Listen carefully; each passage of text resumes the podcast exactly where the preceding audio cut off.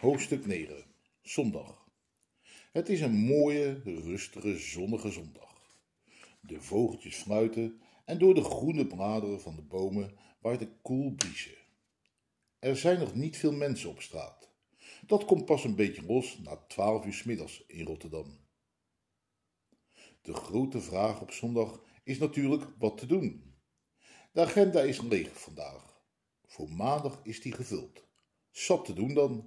Maar deze zondag lijkt een suffe dag te worden. En dat is eigenlijk best lekker.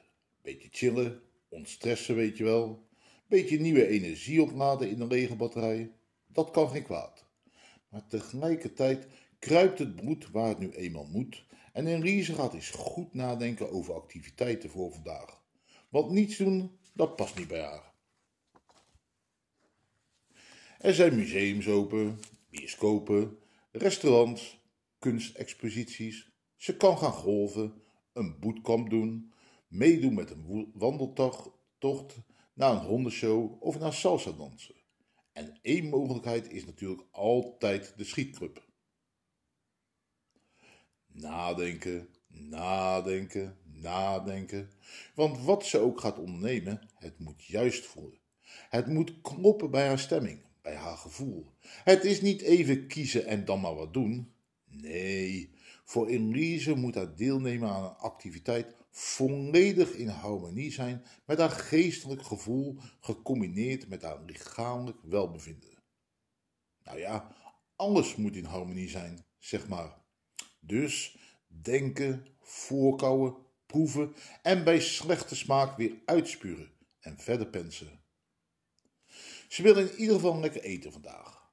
Altijd natuurlijk, maar vandaag wil ze er iets speciaals van maken. En alleen over de keuze wat ze gaat eten en waar dan, is zij een half uur bezig om te besluiten. Alle mogelijke menus laat ze binnen haar hersens voorbij gaan.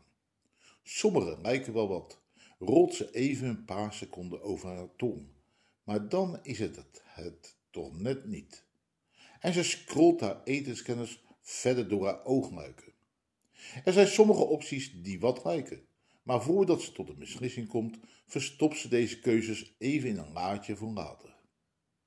Uiteindelijk trekt ze dat laadje in een van de dossierkasten in haar hoofd open en gaat alle bewaarde mogelijkheden door. Italiaans wordt het. Er is een klein, intiem, authentiek lounge-restaurantje in het oude noorden en daar zal ze gaan dineren. Tijd zat voordat ze gaat afreizen, dus een beetje tv kijken, wat boeken lezen en een uurtje trainen. Douche pakken, aankleden, taxi bellen en hup, op naar de Italiaan.